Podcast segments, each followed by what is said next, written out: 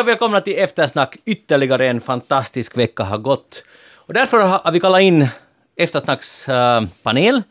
Jeanette Björkqvist, välkommen med. Du sa just att vi ska vara tysta. ja, men det var bara då. Nu är en annan tid. Ja, men varför sa du då att vi ska vara tysta? För ni, ni prepplar för mycket alltid här före vi börjar sända. Ja, att vi ska spara allting till sändningen. Precis, välkommen i alla fall Nå Jeanette. tack nu så hemskt Hur och mår du? Ödmjukt förhåller jag mig till denna ära att få sitta med ja, här. så där ska det låta. Äntligen lite ödmjuk. 14 år har det tagit. 600 avsnitt. Så där, nu var det förbi. Ja, nu är det förbi. Ja. Nå, då går vi också vidare. Maria Wasström, välkommen med till Eftersnack. Tack, tack. Hur har du anlänt hit till storstan? Från Ingo? Jag har använt först. Har jag, ja, först har jag åkt bil ett stycke och sen har jag stigit på bussen. Och sen steg jag av bussen och tog spårvagn och så gick jag.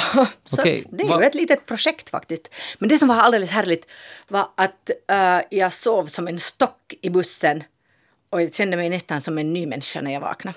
På riktigt? Ja, Det var jag- ju fint. Jo, jag tänkte att kanske de här mina äh, bänkgrannar, eller ingen satt precis bredvid mig, men det kan ju hända att jag hade snarka eller någonting, att de var helt sådär, att de skruvade på sig lite sådär. Men de vet vem du är och var du bor. det tror Det det. jag inte. Inte? Nej, jag Ah, ja. tror inte. Var, sov, var i bussen satt du? Äh, jag satt kanske på fjärde bänken. Okej, så alla ni om ni åkte buss, det var någon snarkande där på Ja. fjärde bänken. Det var Maria Wasström. Ja, ja, ja. ja men, men du vann på det i alla fall, för Det du är en ny ja, människa. absolut, alltså det rekommenderas varmt. Och nu vet du, äh, när vi håller på där med skörden där hemma, Jaha. så det blir långa dagar. Hur långa? Korta nätter. Hur, hur långa dagar? Uh, no, det beror helt på. att eh, Om man måste vara torkvakt till exempel så kan det hända Mm. att man stänger av den där vid midnatt och sen kanske man stiger upp tidigt och måste lasta ett, ett lass med vete som man ska sen föra iväg för att det blir så fullt i torken när det har kommit så fin skörd. Och, och så måste man köra bort det för man har inte eh, rum för allting där hemma. Mm. Jeanette, har du varit torkvakt någon gång? Nej, det kan jag ju nog inte säga. Vet du vad det är? Jo. Jaha, är vi- Maria, vi- nu, ju, nu har vi Jeanette Björkqvist, jordbruksexpert här i studion. det finns ju alltså där på, på jordbruk då en sån här stor tork dit man alltså Ja. som torkar sån här blöt och så kommer det ut någonting så måste man väl vakta då att allting löper. No, Det, det där duger inte nu som no, svar. No, no, no, no, Men kan no. du låta mig? nej, du ska säga vad det är en Men torkvakt kan gör. Maria Wasström? No, hon har helt rätt. Ja. Det stämmer ju. Magnus Har hon helt rätt?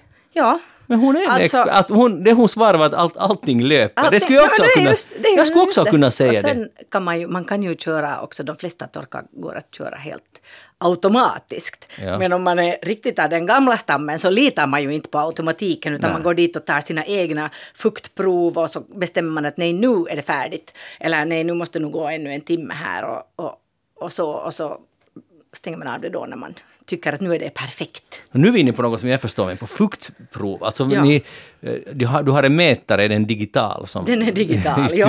Ja. Hur, Ja. hur funkar man, det? Andra alternativ är att man stoppar några, några uh, korn i munnen och så tuggar man lite och så säger man sådär vant att åh, det tror jag 14 procent. Nå ja, så där skulle du klara det. No, jag försöker alltid då och då men inte funkar det riktigt. Nej, jag litar faktiskt nog bättre på den här digitala. Ja, ja, så, det, så här går det sen ni tappar liksom lite Ja, hand, ja. k- så är det fingertoppskänslan. nog tyvärr. Ja.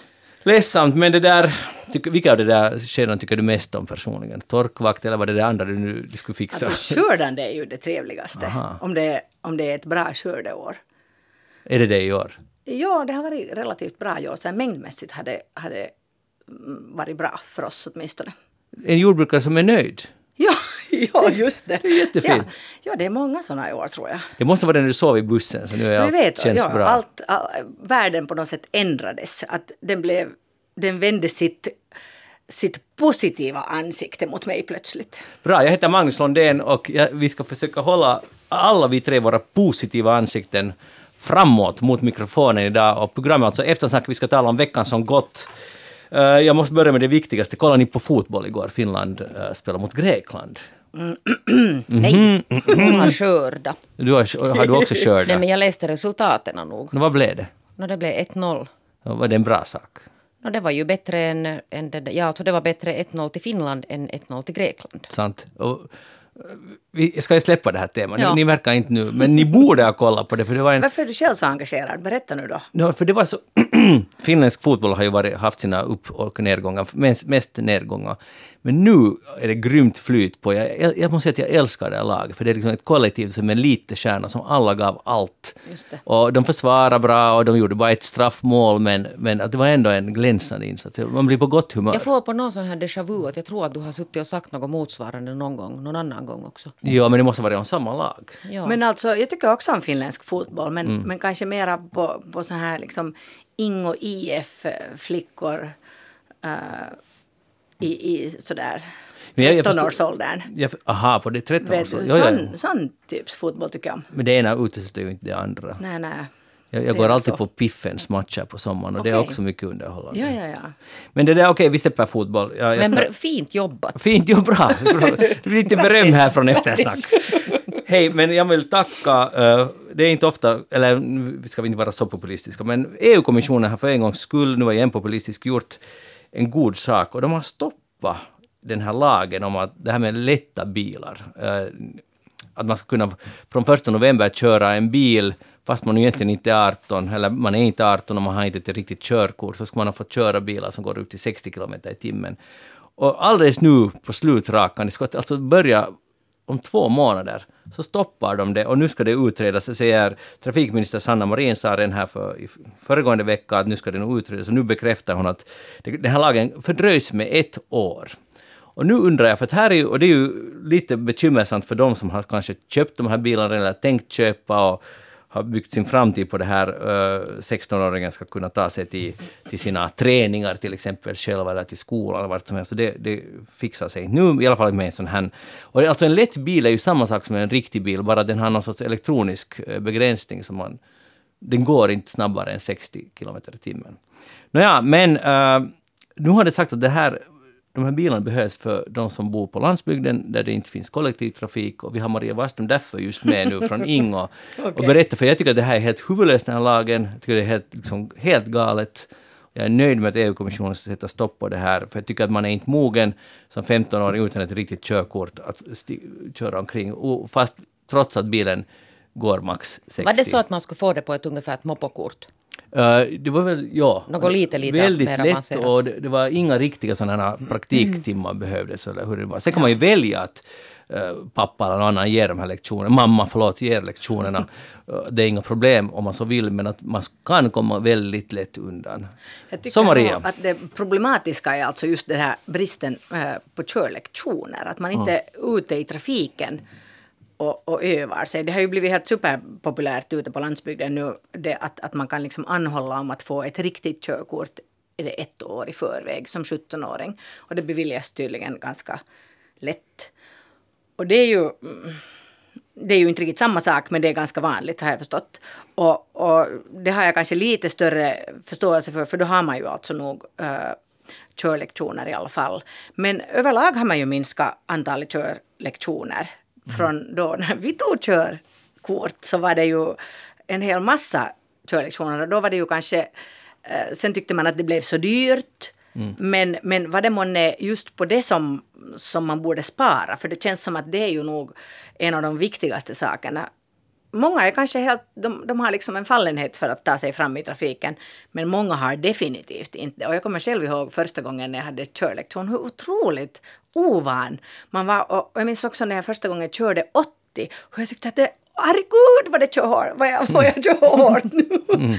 Att, att man är ju jätte, jätte ovan nog. Egentligen så tycker jag att om man får, får säga att, att, att vissa saker var bättre förr så var det ju härligt med de där 80-lapparna i fönstret. Minns ni dem? Jo, jo, som en Att- varning Så då visste man att okej, Ja. här är nu lite en ovan chaufför. Att bäst att vi håller lite avstånd. Det behöver ju inte vara så alltid, men att kanske inte så dumt. Men så du är nöjd med att den här lagen blev uppskjuten? Jag hade räknat med att du skulle tycka att ja, ja, igen så mm, diskrimineras Nej, landsbygden. nej, och, jag, jag tycker inte ärligt sagt att 16-åringar behöver köra bil. nej, tack. Eller de kan väl köra men då ska det alltså... Det kör ju alltså i ja. USA får man ju körkort tidigare än här. Ja.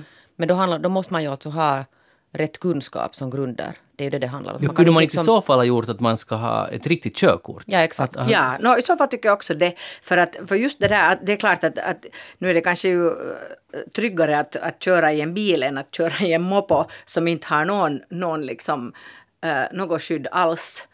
Men men samtidigt så, så blir det ju just det här att alla 16-åringar, eller inte alla, men många 16-åringar ska ut på vägarna i trafiken. Säkert många fler i alla fall än idag. Och jag tycker att det är en, en riktigt bra utveckling heller. Det. Och sen måste man ju säga att det där, nu ska jag citera så här gammal olycksstatistik som jag nu inte riktigt kommer exakt ihåg, men, men jag tror att den vanligaste alltså gruppen som skadar eller dör, skadar sig eller dör i trafiken är ju unga män som just precis har fått körkort. Så har det varit alltså, vad jag vet, ganska länge än. Ja. Det vill säga det här att, att man inte riktigt hanterar sen det här att du får en bil som går Och- ganska hårt. Ja, och, och- plus sen att det finns ju otaliga vuxna som inte riktigt behärskar Ja, det här. det finns det. Som tar alldeles för mycket risker och så vidare och kör aggressivt. Så att, jag, jag, förstår inte riktigt allt som gör att det kan bli ännu liksom, otryggare trafiken känns ganska mystiskt. Men, det måste ja. jag också säga att ändå tycker jag att de här är alltså bättre än de där moppobilarna som var ju Ja. förfärligt eh, otrygga på alla sätt. Det är ju bara en liten tändsticksask som Ja. kör Och omkring. hur, hur hårt fick de gå då? Får? inte så här, va, Alltså som en moppo väl? ja, typ, var, typ 40 kanske. Men det är Ja. därför är det nu att det ska vara just riktiga det, att bilar. På det sättet så är det här nog ett bättre alternativ. Men att, Tror ni det skulle vara svårt att hacka en sån här telefon, äh, bil som har liksom, elektroniskt att den kör max 60? Det måste vara en urenkel sak för någon smartkodare, Antagligen, 16-åring. Alltså det måste vara på riktigt. Man har också kunnat trimma på Ja. nu, det här bara måste man ha lite kodningskunskaper av något slag. Nåja, men tack i alla fall för att det blev uppskjutet och hoppas de hittar på en bra lösning. Vitsen du är positiv nu, EU-kommissionen. Ja, är bra alltså beröm. EU-kommissionen. Men det inte finns någon annan. Vi har alltså 200 lagstiftare i det här landet. Ingen, hej, eller säkert någon, men att inte att den förra regeringen, ja vi, vi godkänner det här. Det här är en bra lag. De godkände alla möjliga saker. Ja, det, det har du också rätt. Hej, har ni fått med Brexit? Det där, jag har faktiskt gjort jättemycket försök att följa med. Jag har tittat nu på alla nyhetssändningar som vanligt. Och, det där, och i något skede kommit till insikt om att inte ens de här alltså insatta eh, journalisterna förstår riktigt mer vad det är som händer där. Att de försöker hemskt mycket förklara men ingen, alltså det är ju ett enda kaos där. det är ju lite sådär att, att när man har Stundvis så drabbas jag åtminstone av det där att nej, att stön, att jag orkar liksom inte med det här mera. För att det är ju som en riktig fars att, att jag orkar liksom inte riktigt engagera mig längre i det. Är det så? Ja. För att jag, jag, jag, måste, jag tänker vara lite kaxig och säga att jag förstår faktiskt vad det handlar Bra, om. nu berättar du enkelt. Nej, det blir för lång historia, men alltså... Jag, jag, du just det. berätta den lättlästa versionen? No, det är alltså egentligen relativt entydigt, så skulle jag påstå. Alltså för jag, jag gjorde det, jag bes, gjorde ett beslut i livet, och det var natten mellan onsdag och torsdag, okej? Så var jag på landet. Vad ska jag göra? Jag var ensam. Jag drack lite skumvin och jag tyckte att, helt som Maria efter sin tupplur idag, att vits i livet är nog bra. Och det är best. Och så tänkte jag, vad ska jag göra med den här liksom euforiska känslan? Jo, jag ska se på brittiska parlamentsdebatten Yes. och, och, och fira Brexit-debatten. Och det här var det klokaste jag gjort på länge. För då såg jag, man, man tänker sig alltid att den riktiga passionen finns liksom i erotiken eller i konsten eller litteraturen. Men den är inte alls där, för den finns i brittiska parlamentet när de uh, hugger åt varandra. Och, och det är så, det kommer så inifrån. Jo. Och antingen är de bra skådespelare eller så är det verklig And this passion. we know med den där Brexit. Ja, ja Brexit. Men där... Det, Men där förklara det, nu alltså vad det handlar om. du måste ställa en fråga. Men jag ställer frågan, vad ska hända nu? Vad ska hända nu? Ja. Nu, nu, du, du har, har de... Låt mig förklara. Jag ska förklara Jeanette och dig. Nu har de stiftat en lag i första omgången om att eh, Storbritannien får inte träda ut ur eh, EU utan avtal 31 Ja. oktober. Och sen ska ännu, det ska behandlas väl en andra gång, och sen ska drottningen säga att så här är det. Och så tar du den här Ja. lilla nyvals... Ja, det här och så, säger, och så vill eh, den otroliga Boris Johnson att det ska bli uh, nyval och han vill klubba igenom det här på måndag, men då säger Labour nej, för de vill vara helt säkra på att uh, drottningen har godkänt den här lagen så att det kan förhindra en hård Brexit, plus att de vill vara med och påverka datumet för det här, när det här eventuella nyvalet, eller sannolika nyvalet. För att där Boris Johnson har egen makt, han kan egentligen bestämma det här datumet. Så det, de tror att han kommer att trixa ändå på något sätt. Så det här är just Och nu... trixa Det, på vilket sätt? eh, när, när det här valet ska ordnas. ordnas. Och vad har han, det för relevans? Det, det har relevans för den här 30 deadline 31 oktober. Att han ändå fixar det sen på något sätt. Alltså vinner valet. Eh, ja, till exempel. Och det, och vad säger opinionsmätningarna? eh, det, har jag, inte- det, har du, det har jag inte lovat att jag förstår mig på alls. Men i alla fall, alltså, eh, den, här, den här retoriken, när de går åt varandra där på varsin sida, det, det är helt fantastiskt. Alltså, för, Kan ni alls dela den här? Jo, jag har alltså tittat. Alltså, det, är ju, det är ju jätte alltså, det där livligt. Det kan man ju faktiskt säga. Och, och de går, och, vad de kanske. kallar varandra där. Jo, det är tårar, men sen har de ändå den de säger, ja, honorable, de hela tiden, och sen Mr Speaker, de liksom hela tiden tilltalar, man talar i princip till talmannen där, så order, håller han på där. Alltså det är ju, det, det, det är riktiga livet. Alltså, Nej, eller det är ju just det, nej, att det är ju inte. Ah, är det inte? Nej, och sen dessutom måste jag säga att jag tycker synd om britterna som har fått sådana här tokiga politiker. Att hur, är de värda det? Jag vet inte. Nu har de väl i, i något skede röstat in dem i alla fall. Ja, det, det, det, kan, det tycker jag att vi ska komma ihåg här nu, att de är inte Men- ditsatta av någon diktator någon annanstans. Nej, men det- partiledare väljer ju inte folket. Men, Nej, det stämmer, och inte heller premiärminister i det här nuvarande fallet. Han är vald av någon liten klick. Men, men, men hur alltså? Jag, och, och jag, har nu, jag känner inte så jättemånga britter, men de som jag nu sådär på avstånd har kanske sett på Facebook och sådär, så, så de, de tycker nog inte att det är så jätteroligt längre faktiskt. Men, men jag, är, jag är trygg i det att britterna kan ta det mesta med humor och, och de fixar också det här. Ja, Även om det det inte hända, är ja. alltid så hemskt roligt. Det är ju alltså en, det är en tragedi kan man nu nästan säga. Men det är det ju. Och det är ju alltså särskilt stor tragedi för de britter som nu ändå väl också är en ganska stor grupp som skulle ha velat stanna kvar i EU. Mm. För att det kommer ju nog att ha så effekter sen i det skedet, om eller när Storbritannien går ut. Ja. no, det där är vi inte ännu, vi får nu se vad som händer. Men det var en bra incident. Johnson alltså höll ju en sån bis, ett bisarr presskonferens slash tal framför sådana här poliser som hade som backdrop bakom sig. Så det är som Trump alltid gör. Man märker så tydligt, de är samma killar, en är bara en brittisk version av Trump och Trump är en brittisk, eh, version av Johnson. De är så eh, Bill och samma Bull. frissa. Ja, samma, fr- ja, antagligen. Och det är någonting, att jag tror att de snackar väldigt mycket med varandra. För jag är säker på att Trump sa att hej, sätt, sätt någon sån här officiella typer bakom militär, polis. Och så var han där på det här, mm, någon polisakademi, eller vad det nu var, och höll det här talet som var helt bisarrt. Alltså, eh, det finns en jättefin kolumn på Guardian eh, när han spekulerar att hur mådde herr Johnson när han höll det här talet. Jag rekommenderar att läsa den, vi kan lägga ut en länk på vår Facebook-sida. Men i alla fall, sen gick han i något skede eh, ut eh, och talade med folket, Johnson, och, och det finns en så bra engelsk scen. Det är en sån Jasse som står där på gatan och så kommer Johnson förbi och så börjar han säga att vad, vad är det som händer? Och Johnson försöker nu mumla något och så säger han att den här folkets man då säger att, att, att du borde vara i, i Bryssel nu och förhandla och inte gå omkring här. Och så säger Johnson yeah but we are negotiating. Så no you're not, you're in Morley, in Leeds. Och liksom det här roliga blir det här att, att du är satan, du är ju här! Du är i Leeds, du är inte alls i Bryssel. Och, och han fortsätter, jo men vi förhandlar. Så han säger tre gånger att du är i Morley, in Leeds. Du är inte i Bryssel. Och det här visar just på det här att de är alla så frustrerade att det är liksom helt osannolikt den här situationen som de har hamnat i. Och Johnson han bara mumlar. Han har ingenting att komma med. Jag undrar vad den här Theresa May tänker nu. Hon tänker att kanske ni ändå skulle ha behållit mig, att det skulle vara lite bättre. Jag tror att hon kan vara ganska efter, eller liksom, hon skrattar nog bäst nu. Uh, även om hon hade det ganska hårt Men också. hon hade ju det faktiskt hårt. Okej, men tänker ni följa med det här nu närmare? Ja, vänta, när var nu nästa sån här avgörande? Var det på måndag det skulle... Var det när var det Nej? Nästa showdown blir nog på måndag. Ja. Ja. Man kan ju inte riktigt undgå det heller. Nej. Nå, har ni följt med den här mm, orkanen som drabbar Bahamas? Ja. Ja, hur? Och-. Och det där... Det sägs ju nu, och det- kanske inte blev så farligt som man trodde, fast egentligen vet man inte ännu. Det är minst 30 döda. Och, ja, men de har ju sagt att när de börjar sen alltså komma in i de här ruinerna och alla förstörda hus så vet ju ingen vad det hittas under dem. nej. Men jag fick på något sätt någon känsla, Jeanette, att du följde med det här på sociala medier. Att du var så här fast, fastklistrad. Du hade Nej. skrivit någon uppdatering någonstans. Ja, nej, men ja, alltså nog, inte så där dygnet runt gjorde Mm. jag nog inte. Men jag följde nog ganska mycket med det ju. Vakna timmar. Va? Vakna timmar. Vakna timmar. Jag sov nog också. Men, men här är ju samma grej igen att ursäkta, att det är sådana här, äh, allt som sker i USA eller i närheten av USA blir ju mycket större grejer. För att om ni tänker att för, förödelsen är ju total på vissa av de där öarna, men tills vidare i alla fall 30 döda, det är hemskt. Men det finns ju mycket värre stormar i Asien hela tiden. Så det, det finns det en fo, ett fokus på, på vad som händer i USA. Och det här är ytterligare en gång ytterligare bevisat.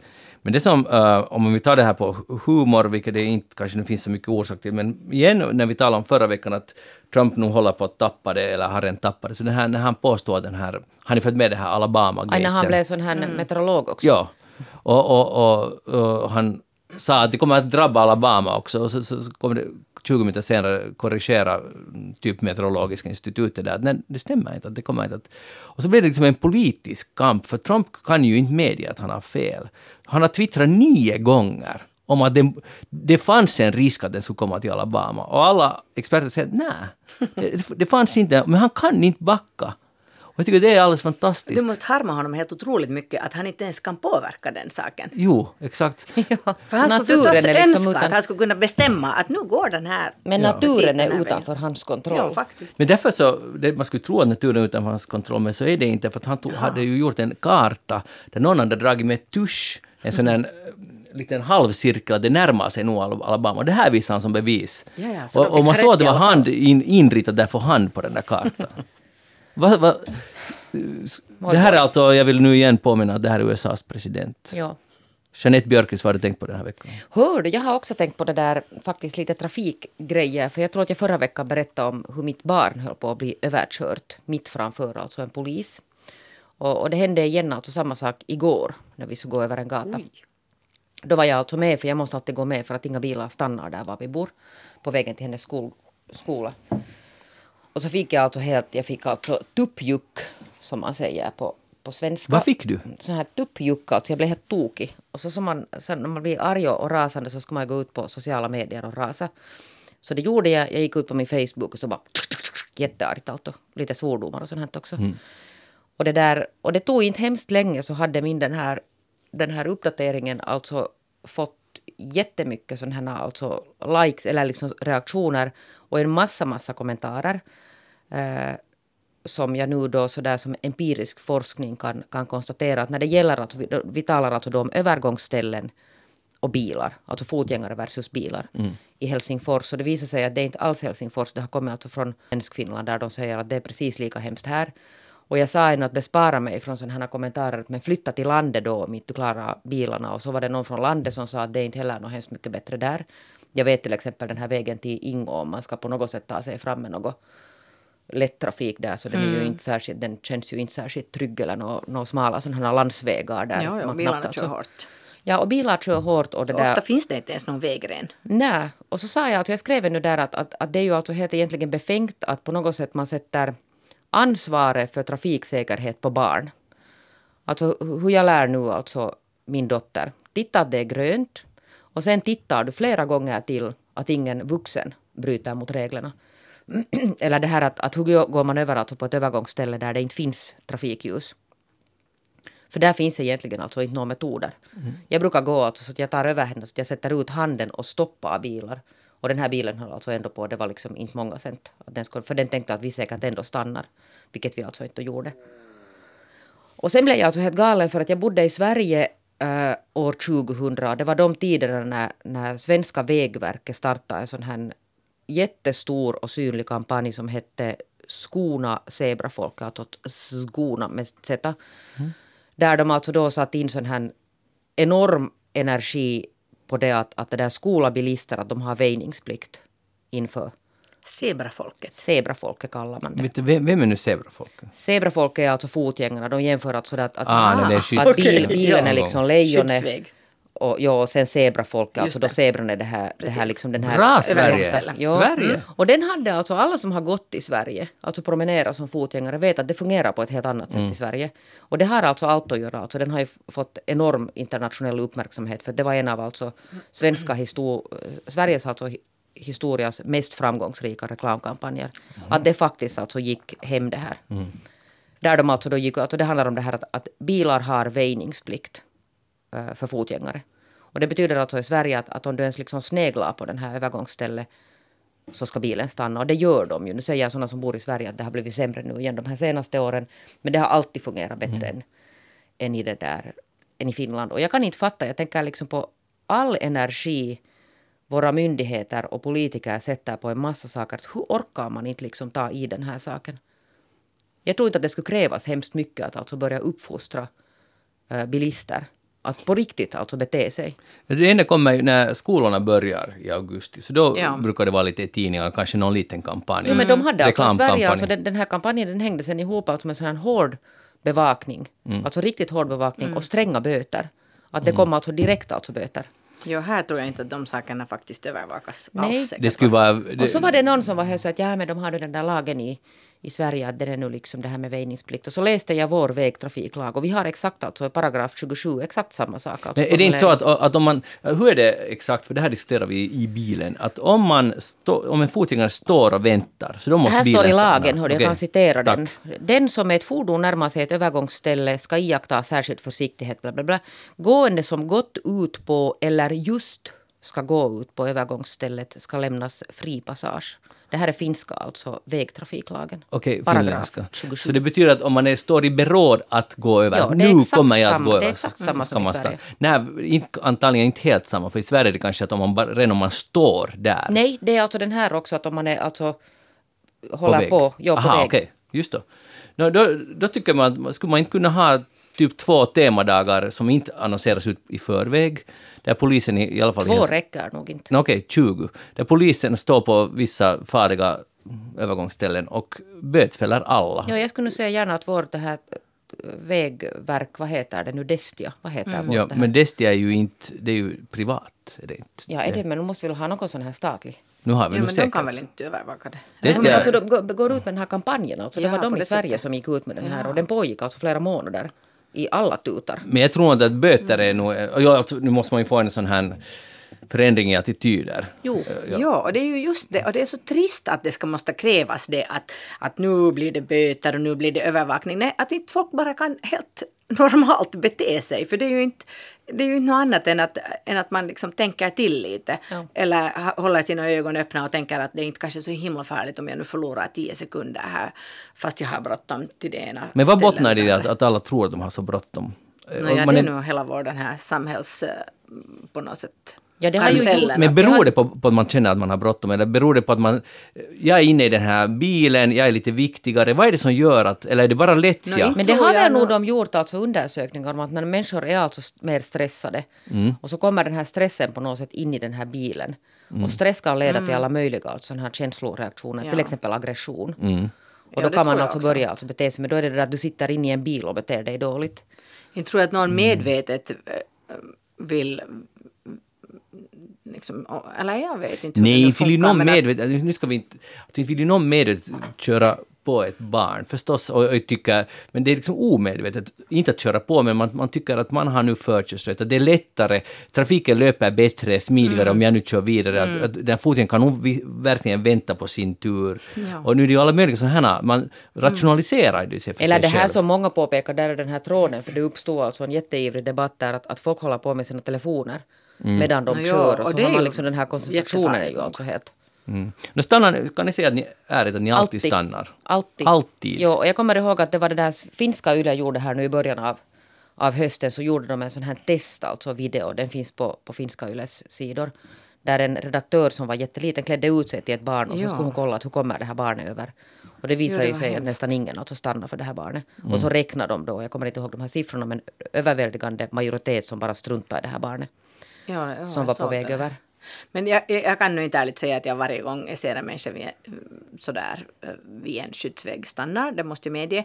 Men att å andra sidan så är det ganska sällan som jag kör på det sättet att jag nu Åtminstone skolbarn så vet jag inte när jag senast skulle ha sett vid en skyddsväg. Att, eh, för det finns liksom inte sådana där i mina, i mina trakter, åtminstone där jag kör. Att då är det oftast så att man ser på långt håll att där kommer en bil och det kommer bara en. Så då kanske personen står där och väntar och den kan vänta också då två sekunder för det är inte någon kö eller, eller något sånt. Ofta är det också fotgängare som, som visar med handen att kör bara, att jag hinner vänta två sekunder. Att, um, Men det var ju beror någon ju som- nog på, till, på, på situationen också. Men det var ju någon att som just det påpekade- där som den där YLE-grejen, eller vad sa, sa Ja. ja. så jag menar det var ju förfärligt att se. Jo, och det var alltså den här för att det är sån här, det är liksom två filer åt samma riktning. Det är det Ja. Så många säger att, det där, att de vågar inte stanna där för att de är rädda att den här andra bilen inte Precis. stannar. Ja. Ja. så att man har en Som bil- ju också är ett extremt alltså grovt och livsfarligt. Det, är- det är ju helt konkret livsfarligt, jag Ja. helt med.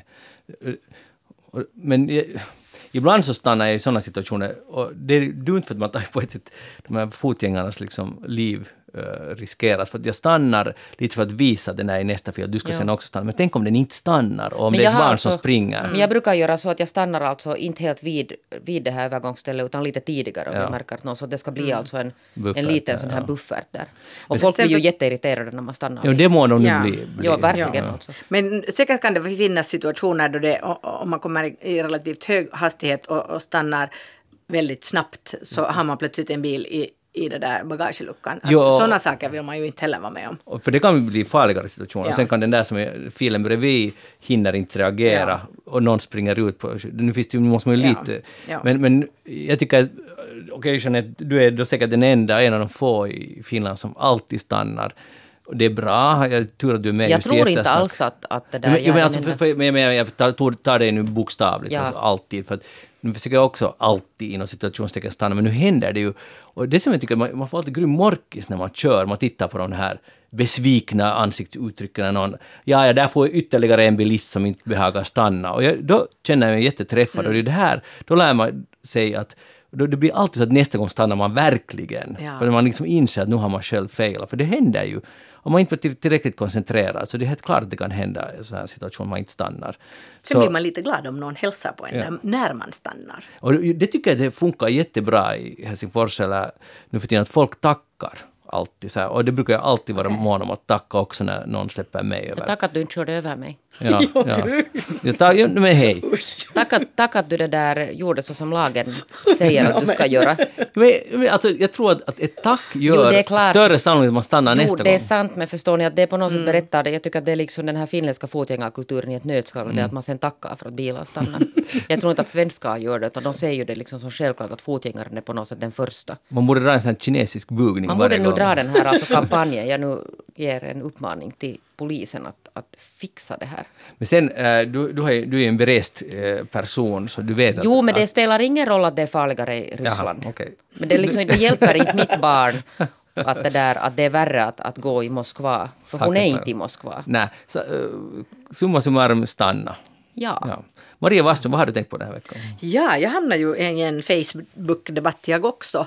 Här i början av veckan eh, så var det en bekant som, som delade en artikel från Expressen som handlar om det polska eh, reningsverket eh, som har kraschat.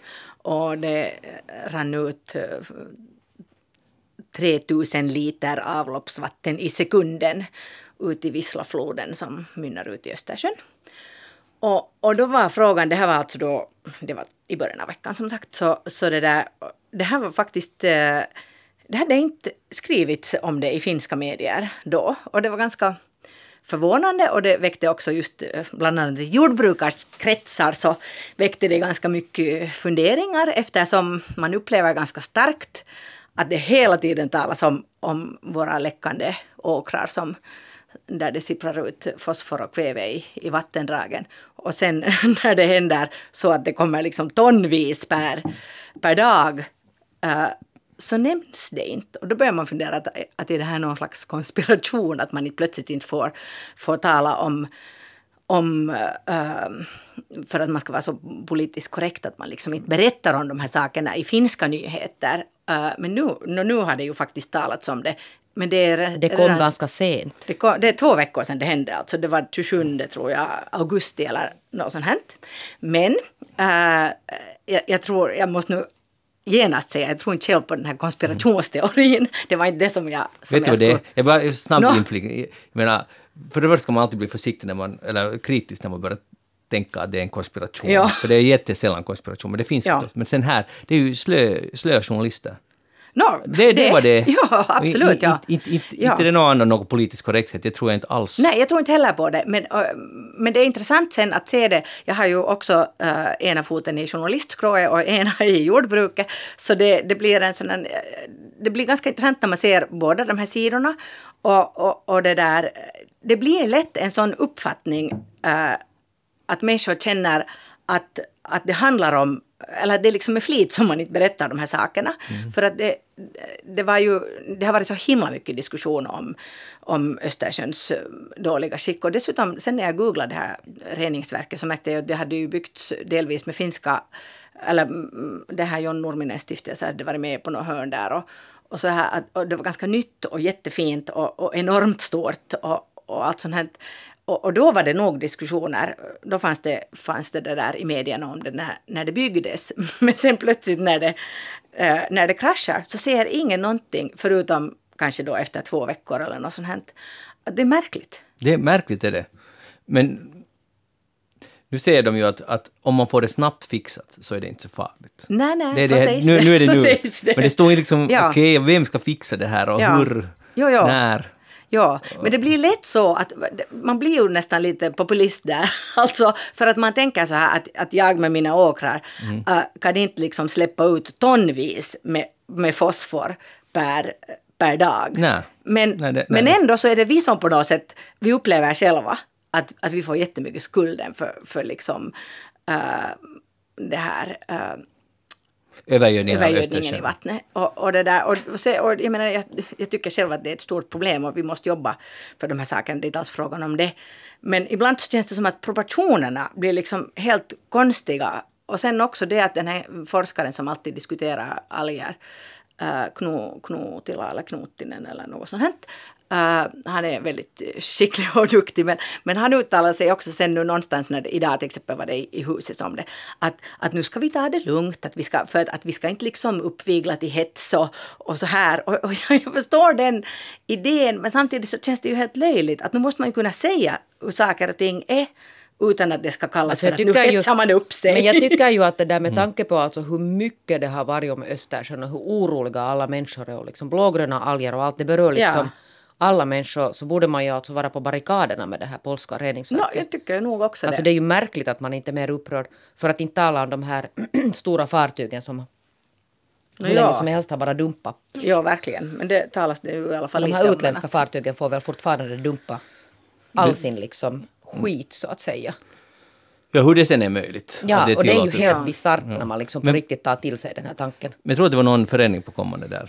Nu, Jo men den går ju inte så snabbt. Nej, det borde man ju ha att göra det för 20 år sedan alltså. Men det här Polen-fallet så, det är konstigt att Polen är ju ändå i princip ett grannland om man se- ser Östersjön som den förenande eh, faktorn där, så jag håller nog verkligen med. Att, tänk att det inte har snackats mera. Ja, och Det- sen också det som har skrivits så har varit då alltså citat från eh, andra källor som har varit redan en vecka gamla. Jag, jag tycker att, att också det faktiskt som, som var i Dagens Husis, så där fanns delar som var exakt samma som, som var liksom för en vecka sedan i någon annan tidning. Att hur är man inte mera uppdaterad? Men, men det, alltså det påminner lite om det här fallet i Arkhangelsk, den här, s- jag tänkte säga sovjetiska, men ryska eventuella missiltest, eller vad det nu var de testade, och den här mini-kärnkraft, eller inte kärnkraft, men kärnolyckan av något slag. Så i början i finska media var det bara en lit små notiser. Och och jag kommer ihåg när jag läste den sen det är ju ganska nära. Ja. Och sen läste man i amerikanska tidningar mycket mera om Ja, det. Och nu har det ju blivit, småningom blev det. Ja. Och, och det var också bisarrt. Det var faktiskt helt på vår bakgård som det här inträffade. Ja. Och det är mystiskt. Men, men Polen är ett EU-land. De, de borde verkligen ha råd att fixa till det här snabbt och, och lätt. Kanske inte lätt, men det måste ju gå. Och nu är det ju lite konstigt. Har, är det din bild att nu har då i två veckor har man inte fått stoppa det? Jo, jo, det, definitivt Det- det är så. fakta. Ja, Okej. och, och det där, eh, men att alltså, man jobbar nog på det, men att nu kommer det att, jag förstår att det kommer att, att räcka sammanlagt. Kanske de har fått alltså någon sån här liten förändring till stånd, men att, men att så där bara går det inte att stoppa. Men det skulle vara intressant att veta om man i, i relation till alla utsläpp, till exempel från Polen, att hur stort är det här? För det låter ju mycket. Men Ja. hur, hur är det i relation? Det är klart att, ja, det, det är säkert sant. Och det, det läste jag också någonstans då, till exempel i- det må jag inte säga, Hesari tror jag inte har överhuvudtaget nämnt det här. Men, men i alla fall så, äh, det kommer ju också avloppsvatten ut här hemma hos oss. Så att det är ju de facto nog så att regnar det mycket till exempel så, så släpper man ut avloppsvatten, regnvatten och, och sånt ut i, i havet. äh, också från reningsverken.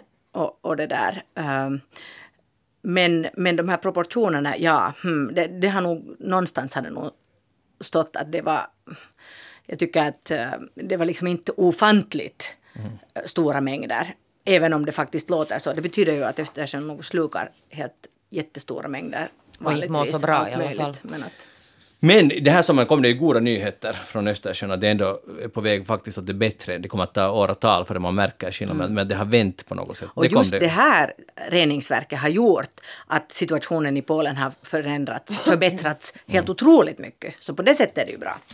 Bara de får det Utom nu. fixat. Vi går vidare till posten. Posten, eller alltså det heter faktiskt Posti. Uh, uh, men det betyder posten. Uh, så de har då haft lite problem den här veckan med sin offentliga image kanske, och också, också problem. Tänker att de som jobbar där, eller 700 som jobbar där inom pakettjänster, har också haft konkreta problem eftersom deras löner antagligen skulle ha sänkts med 30 procent om det inte skulle blivit ett ramaskri och så vidare. Och i samband med det kom det ju fram då att VDn Heikki Malinen har en månadslön på 46 000 euro plus lite sådana här små ersättningar och bonusar som betyder att han i praktiken har tjänat 82 000 euro. Och det här betyder väl att han får dem när det går bra för posten, vilket det faktiskt gör för närvarande. Det Så skulle man inte tro. Kunnat, uh, Det lyfta har gått bra många år här. 82 000 i månaden. Det låter som en årsinkomst, en bra årsinkomst, men det var då alltså en månadsinkomst. Det där, och det är då ett statligt bolag om någon inte kände till den saken. Hur det där... eh, ja, Antti Rinne har ju också... Ja, vi kommer tillbaka till Antti Rinne. Han är vår social... Men jag måste ju säga nu att finska Yle hade ju gjort en uträkning på den här, hette han inte Malinen, den här post, Posti? Ja. Malinen. Att hans, ja, Malinen. Så hans lön har ju då från 2016 stigit med, eh, var det 47 procent, så den är ju alltså närmare miljonen nu. Ja, vi- bara, bara, ja, den är 987 000. Ja, men bara, bara så att inte- någon kan nu säga, så hans lön har inte stigit, Nej. utan det han har förtjänat har Jo, stigit. jo. För det är den här bundet till hur det går för Jo, posten. för det har gått, posti. jätte, det har gått jättebra, Ja. som vi vet. Ja, och det har vi ju alla märkt till exempel att man inte får Jo. post, posti jag mera då- fyra dagar, fem dagar i veckan. Så. Jo. Och det där, nu tittade jag då igår på A-talk, där bland annat Juhana Vartiainen från Samlingspartiet, alltså förra regeringspartiet, satt och försökte, han sitter då tydligen också i det här förvaltningsrådet för posten, han hade precis anlänt därifrån till den här A-talk-studion och så försökte man då liksom fråga sig för att hur i hela friden hade gått så här. Alltså jämfört med andra sådana motsvarande bolags uh, vd-löner så är han ju alltså helt i en säregen klass. Alltså. Det finns ingenting alltså det där som... Och sen att till slut det enda jag liksom nu förstod på honom var att det var Juha Sipilä som gjorde något sånt här. Att det finns ett avtal där någonstans och det är Sipilä och, och inte hade någon från Samlingspartiet fått se det här och det på något sätt det var nu Sipiläs egen liksom när de gjorde sådana arrangemang alltså med den här postens. De goda vänner? Nej det vet jag inte. Det låter jättetransparent och bra. Jag tycker att det lät alltså helt fantastiskt. Den som alltså vill roa sig skulle kunna titta igenom den här Atok och titta hur den här Vartiainen försöker förklara det här. Men faktum är ju, ja så försökte de alltså skuldbelägga den här nya ministern för ägande, vad heter det, styrning, Patero, alltså helt nyvald. Så det där, det känns ju inte helt nu schysst. För att hon har ju inte suttit 2016 och bestämt om någonting. Nej, nej, men nu finns det en ny regering som kan göra någonting åt den här saken. Men, men um, nu, nu, alltså är, är ju grejen den att Posti skyller på att de som jobbar med pakethantering så de har ett så att säga för bra kollektivavtal. De tjänar i, eller post, en, post, en som man jobbar på posten tjänar i medeltal 2200 euro, men äh, det kollektivavtalet är alldeles för bra om man jobbar med pakettjänster för deras konkurrenter, och det finns ju ganska många konkurrenter nu för tiden, deras anställda kan ha sämre villkor och därför måste, för att posten ska kunna konkurrera, så måste de också byta. Så här.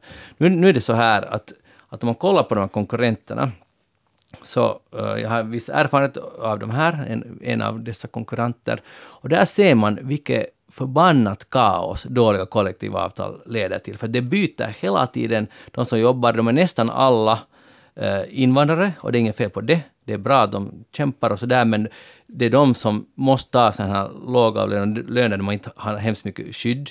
Och det byter hela tiden. Och de är alla lika borta på de får ingen skolning eller någonting utan det är bara vet ni, det, är liksom, det funkar inte. Och det i gengäld beror på att vi ska ha våra, när vi köper på nätet, ska vi ha billig shippingkostnad. För vi, vi köper gärna, för vi vill att det ska, det ska egentligen inte kosta något att få den här varan hemburen. Så i förlängningen är också vi skyldiga till det här. Men nu ska du höra hur det här förvaltningsrådet hade förklarat det här åt den här Vartiainen. Nå. Det var så att sen var det ändå då, alltså de ville ju byta kollektivavtal för en del. Men sen hade de ändå på något sätt budgetera samma lönekostnader, vilket då skulle ha betytt att de nog skulle ha fått samma lön. Men den skulle då ha varit mera så här eh, baserad på prestationer Ja. och vad det nu var. Som lät alltså helt galet för att det där...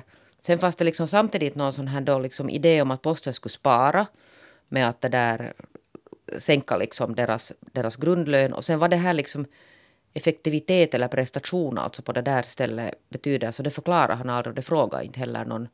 Och, och vad är det då för idé alltså att, att det där att om de ändå skulle få, för han sa att det har nu blivit ett jättestort missförstånd att de skulle nog ha haft samma lön ännu.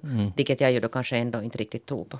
Nej, alltså det finns nu så mycket som Posti har gjort galet och det går visserligen nu ekonomiskt bra men vad har priset varit? Men inte en miljon euro Dagstidningsutdelning har blivit förbannat dyr vilket kommer att leda till att folk inte mer kan ha sin dagstidning. Det finns massa negativa effekter av, som i- igen är en fördel för Malinen och hans gelika där att de får höga löner för att de har lyckats få resultatet upp. Så det är Mm. helt galet att man borde bara, staten borde bestämma att det här är så- infraservice som hör till staten och det, det får gå lite back. Jo, och sen är det nog faktum alltså det, att det måste ju finnas liksom någon skälighet i det här. Att hur hög, hur liksom mycket kan man? Det, det är ju helt bisarrt alltså det här. Det är helt Och, bisarrt. och, och nog kanske, nu borde det ju också hänga ihop med att om alla, även om bolaget går bra, men om alla kunder är missnöjda, eller inte alla, så nu är det något som är lite konstigt. Så- så- Men vä- väldigt många kunder är missnöjda. Men Antti Rinne säger i alla fall så här, det finns 22 000 personer i vårt land som jobbar med postutdelning. De behöver inte nödvändigtvis sköta hemvårdsuppgifter, men de skulle, gå, skulle på sidan om postutdelningen och utdelningen kunna titta in och fråga ifall allt är som det ska. Ifall svaret är nej, kunde de försöka hjälpa. Alltså han visionerar alltså att de som jobbar på posten ska alltså ringa på, hej Maria, är allt okej? Va- Blev det slut med det där gräsklippandet? Ja, det är nu, ja, jag vet inte. De har ju lite prövat på det, men jag tror att det kanske inte blev en sån framgång ändå. Nej, just. Men nu säger vår statsminister Ja. tycker att man borde, det här ska vara någon sorts samhällets sån här allt i allon. Mm. Jag Och tycker det- att de bara skulle kunna satsa på att sköta sin basservice och Mm. se till att den funkar. Sen behöver de inte göra något annat. Mm. Det skulle räcka helt bra. Men skulle du inte vilja ha någon uh, postiljon som ringer på dörren och kollar att allt... Det finns en film om det Jag brukar förresten. hälsa nog på min postiljon. Postiljonen ringer då alltid och då. två gånger, eller hur det nu heter. ja, precis. Ja. ja, men skulle du, skulle du tycka Nej, att det är inte behöver hon komma. Nej. Hen? Det, ja, hen, ja. Men att det är helt okej. Vi kan mojka när vi ses vid vägen, men det räcker bra. Men på ett sätt, på ett, sätt, på ett litet, litet, litet plan diggar jag den här Antti Rinnes idé. För det skulle behövas mer av en sån här gårdskallstänke. Sådana här typer som bara är där, hang around och och känner alla. Om vi skulle få, de skulle få ett bra kollektivavtal och känna alla i sitt kvart, sina kvarter och, eller på vägarna var de bor. Jag tror att de Och- har Så ganska var det förr i världen. Ja, ja.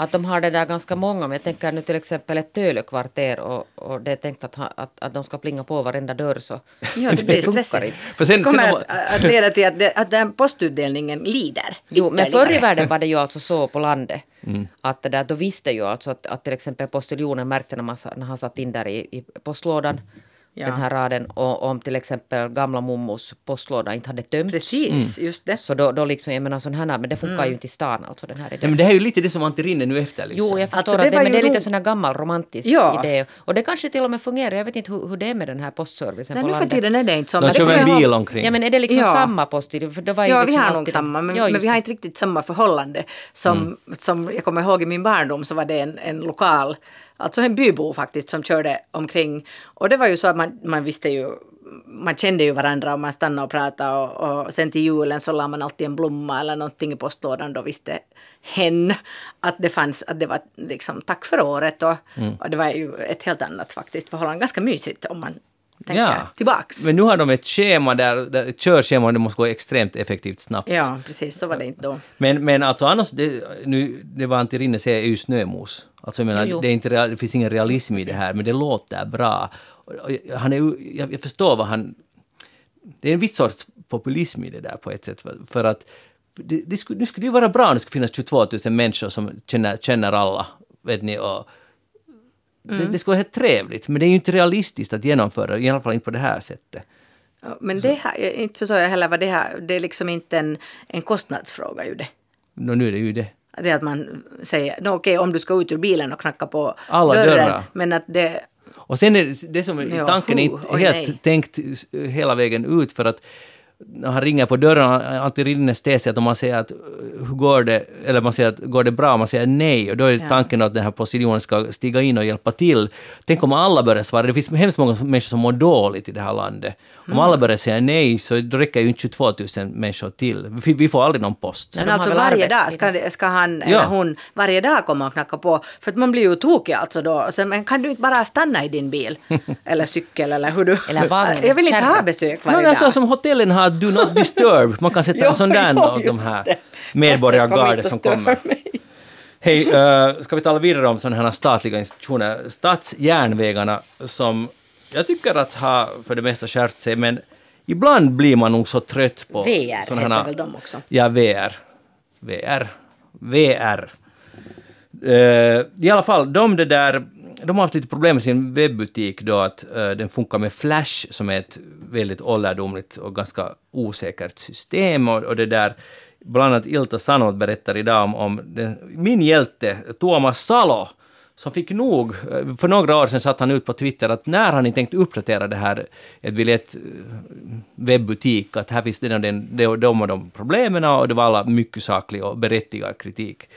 Jag vet inte om han fick något svar och ingenting hände. Och de har ju ett ganska stort maskineri om ni vet om det. Vi är en stor, ett stort företag och borde kunna lösa så här på, vad ska jag säga, 14 dagar max är nu min dom. Men eh, Thomas Salo fick nog eh, nu i år och så gjorde han den här koden själv, för han råkar vara programmerare.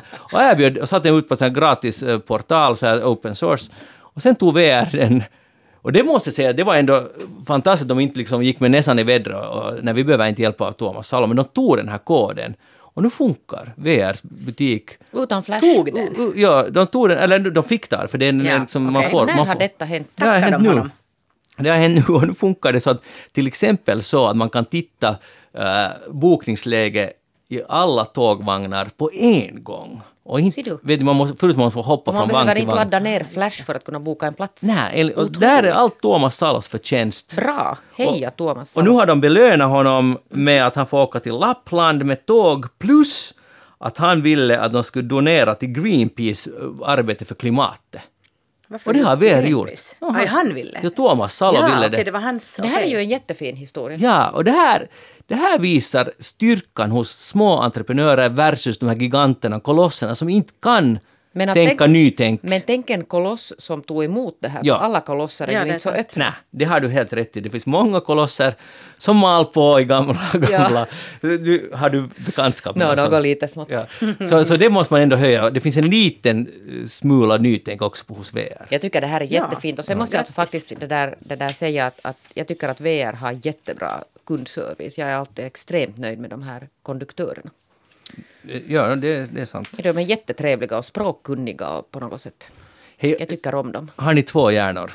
Eller har ni en? Två järnhalvor. Ja, nej, nej, jag, vet att, jag vet att vi har två.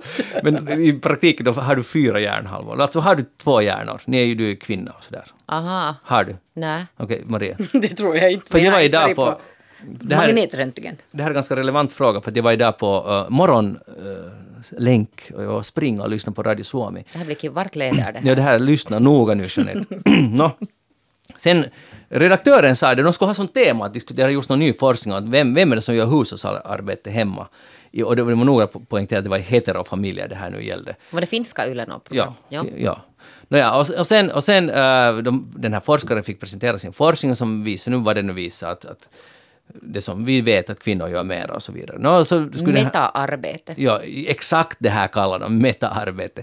Så var den här manliga redaktören som var helt välformulerad, så han, han sa att han har nu tänkt på den här saken och, och kommit fram till att, att det beror nog antagligen på det att kvinnor har liksom två hjärnor. Att de har en sån där vanliga hjärna, det som män också har, och sen har de en extra hjärna som ser till, och därför klarar de av att sköta hushållsarbete. Var sitter den månne? Jag vet inte. Och jag blev jätteupprörd, för jag, jag tycker att det är fräckt uh, Alltså, att är att påstå att ni skulle ha två, för jag Det har är ju nog... att diskriminera er och påstå att vi har två Ja. ni har bara en. Jag blev jättesårad och stött, men jag tänkte att jag måste bara Jag är dubbelkolla inte med er. säker på att jag vill ha två. Jag tycker att det låter sundare med en. Jag tycker att det där är helt alltså, det där är alltså, det där är så att, att jag vet inte vad jag ska liksom använda för ord på den här kommentaren ens. Ja. Om två hjärnor.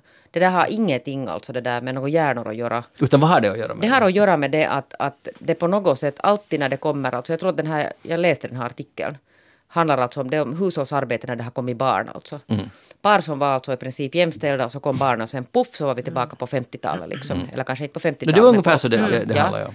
Och det där och det har ingenting alltså med, med kön att göra, det har ingenting med något liksom hjärnantal att göra, utan det har helt enkelt alltså med bara dåliga vanor att göra. Där alltså man på något sätt medvetet måste Men är, är kvinnan Bestämma. helt oskyldig till detta? Nej, absolut inte. Alltså för att det är ju kvinnan som måste ta ansvar för att mannen börjar vara något annat än bara en assistent. Vilket också är helt bisarrt, men det är nu säkert så som det är. Jag har läst en sån här bok som hette eh, hemmet, projektledaren, Hemmets projektledare säger upp sig. Den handlar just om den här. Den är inte alltså någon vetenskaplig bok, men den är just bara en sån här på något sätt arg sån här utsaga om just det här. Ja, men jag tycker, jag tycker att det är en ganska fantastisk förklaring, för då kan man jättebekvämt för man, om man, om man, accepterar, om man accepterar att ni har två hjärnor. Ja, men det där är helt men får jag, strunt. Men, nej, nej, det, Nej, jag de sa det i radion på Ja, men jag YLE. tycker inte så att man ska ge uppmärksamhet åt en sån här idiotisk Men jag, jag skulle vilja, för det skulle vara så lätt, för då skulle man alltid... Men när det inte stämmer. Men man skulle alltid kunna säga att sorry, jag har bara en hjärna, ja, jag nej. kan inte nu diska. Så, nej, nej, utan så jag kan bara alltså byta däcken på bilen, Ja. som alltså är punktinsatser. Det kommer alltid alla män dragandes med. Jag reparerar och Jag jag hörde, jag vill däck. nu säga att det där är inte helt, för det var en kvinna som ringde in och påpekade att när hon uh, skilde sig, de hade just klassiska modeller att hon skötte så att säga hemarbete och mannen gjorde nu vad han gjorde. Sen när hon, nu när hon skilt sig är hon helt shit, att vem, hur, alltså va, vem har gjort allt elarbete, vem har gjort allt med bilen och nu insåg hon att på ett sätt var de ganska jämlika men de hade bara olika mm, områden Men det här metaarbetet gäller alltså saker som måste göras varje dag. Ja. Packa barnens, liksom, kolla kläder, eh, hålla ordning på födelsedagskalas, vara kontaktperson liksom, till, till skolor eller dagis eller what not. Det är liksom sånt som är varje dag. Alltså massa, massa, massa, massa No, det är när, ni har två hjärnor så fixar det sig. Det är lätt för er att, lätt för er att vara kaxiga. Jeanette Björkqvist, dubbelhjärnade Björkqvist, tack för att du var här. Och likaså dubbelhjärnade Maria Wasson, tack för att du var här. Jag heter Magnus Lundén. Enkelhjärnan. Enkelhjärnan. Jag har en enda, därför kan jag inte göra mer än jag gör. Och jag är redan nöjd med det. Jag heter alltså Magnus Lundén. Programmet Eftersnack. Ni får gärna gå in på facebook.com snedstreck eftersnack och tycka till om dessa och andra viktiga saker. Eller e-posta oss på eftersnacksnabelayle.fi om ni har någonting på hjärta. Och så hörs vi igen om en vecka på fredag. Ha det bra. Hej då.